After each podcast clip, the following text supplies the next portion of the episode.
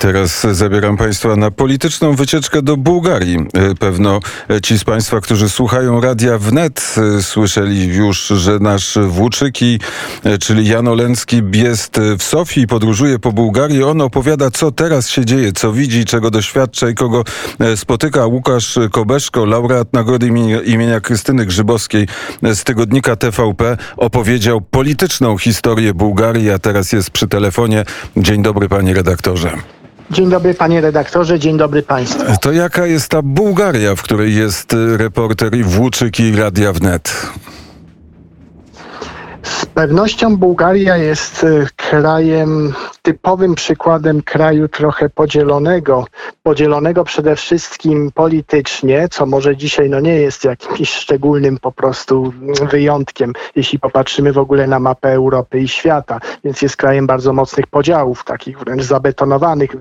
wieloletnich podziałów politycznych. Pomiędzy z jednej strony rządzącą długie lata z pewnymi krótkimi przerwami, bo od 2009 roku e, ogólnie centroprawicową partią GERB, centroprawicową no, stowarzyszoną, będącą członkiem Europejskiej Partii Ludowej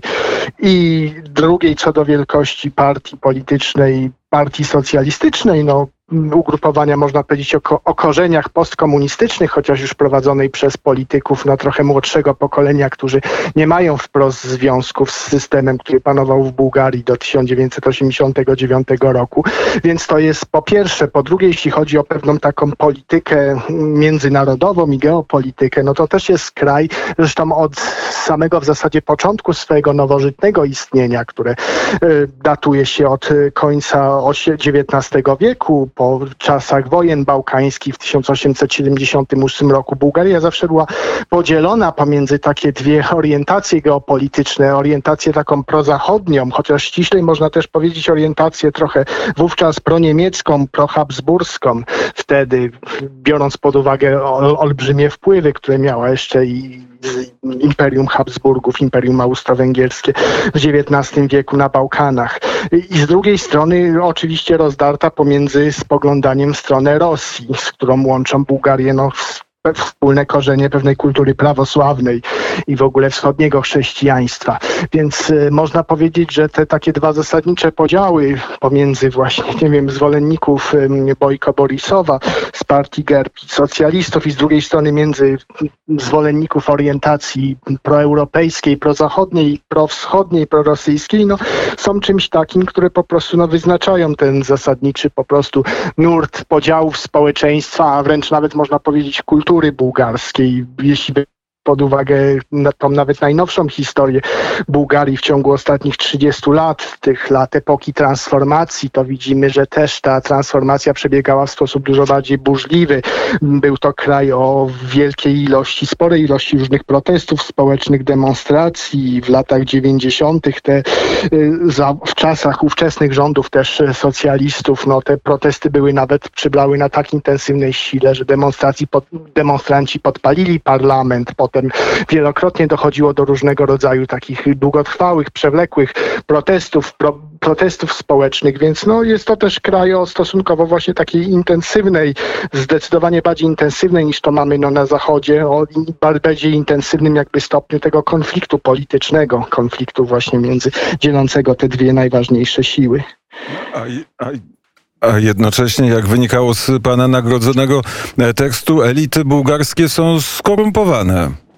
To jest oczywiście też kolejny problem, trzeci jakby taki wielki problem społeczny elit bułgarskich, czyli no olbrzymi stopień korupcji. Można powiedzieć, że jakoś uwarunkowanej też, chociaż może to będzie niezbyt taki poprawny politycznie wniosek, no bo często dzisiaj w dzisiejszej kulturze no dominuje taka postawa, żeby jednak no nie łączyć kultur i nie łączyć pewnych tradycji no z pewnymi może zachowaniami, ale niestety chyba można powiedzieć, że tak to jest. No ten problem olbrzymiej korupcji jednak traf, trapi całe Bałkany, cały Półwysep Bałkański, kraje byłej Jugosławii, tutaj ale także Rumunię i Bułgarię. No bardzo często mamy do czynienia tam z sytuacją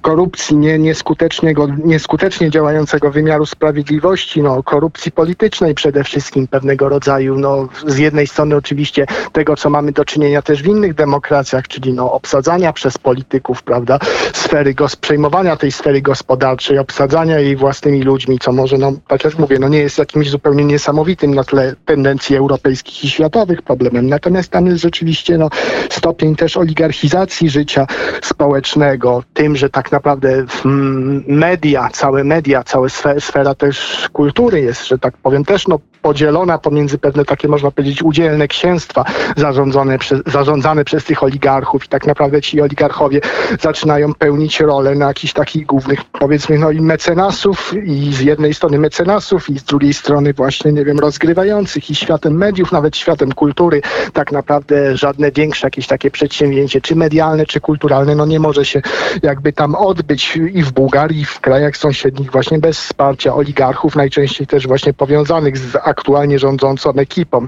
Więc rzeczywiście tutaj od samego początku, w zasadzie można powiedzieć od wejścia Bułgarii, którą przypomnijmy, Bułgaria razem z Rumunią weszła do Unii Europejskiej w 2007 roku, to wielokrotnie później od tego 2007 roku jednak pojawiały się w różnego rodzaju raportach i to raportach też niezależnych i raportach Unii Europejskiej, no takie jednak wnioski, że być może te mm, wstąpienie Unii, Bułgarii do Unii Europejskiej było może nie tyle przedwczesne, co jednak no nie, nie stanowiło jakiejś takiej uniwersalnej recepty na zmianę pewnych standardów życia publicznego, życia gospodarczego, właśnie relacji pomiędzy polityką, biznesem, wymiarem sprawiedliwości, światem zorganizowanej przestępczości i tak dalej. Więc, więc tutaj widzimy, że rzeczywiście no, korupcja mimo, mimo już kilkunastoletniej obecności Bułgarii w strukturach Unii Europejskiej, widzimy, że z tą korupcją no, nie za wiele się dało bułgarskim elitom i z drugiej strony też na, naciskom ze strony Unii Europejskiej no, na, te naciski na niewiele się zdały i tak można powiedzieć, że ten największy problem no, nie został rozwiązany przez fakt uczestnictwa Bułgarii w strukturach europejskich, w strukturach euroatlantyckich, więc widzimy, że tutaj pewien problem jednak taki trochę społeczny, mentalnościowy na pewno jest w tym społeczeństwie bułgarskim. Na, na to się też nakładają te współczesne takie trendy, które obserwujemy właśnie w innych krajach europejskich, czyli, że tak powiem, w ogóle zmiana pewnego formatu debaty publicznej. Ta debata jest coraz bardziej taka spolaryzowana, spolaryzowana, coraz bardziej plemienna, coraz bardziej tam jest mniej miejsca na pewną, nie wiem, subtelność, symetryzm, szukanie różnego rodzaju, prawda, wątpliwości. Jednak to mamy do czynienia z taką często wojną różnych obozów, po prostu różnych zwalczających się plemion i na to też się, na tą już trudną sytuację Bułgarii przez lata nakładają się te współczesne te, tej te tendencje tej, można powiedzieć, takiej trochę agresywnej, spolarizo spolaryzowanej, plemiennej postpolityki. Więc tutaj rzeczywiście mamy do czynienia z taką no, mieszanką bardzo wielu tendencji w, we współczesnym życiu Bułgarii. Powiedział pan, że w Bułgarii e, toczy się ten geopolityczny, ten historyczny spór, e, czy e, Rosja, czy, czy Zachód, a czy o Bułgarię toczy się geopolityczny spór?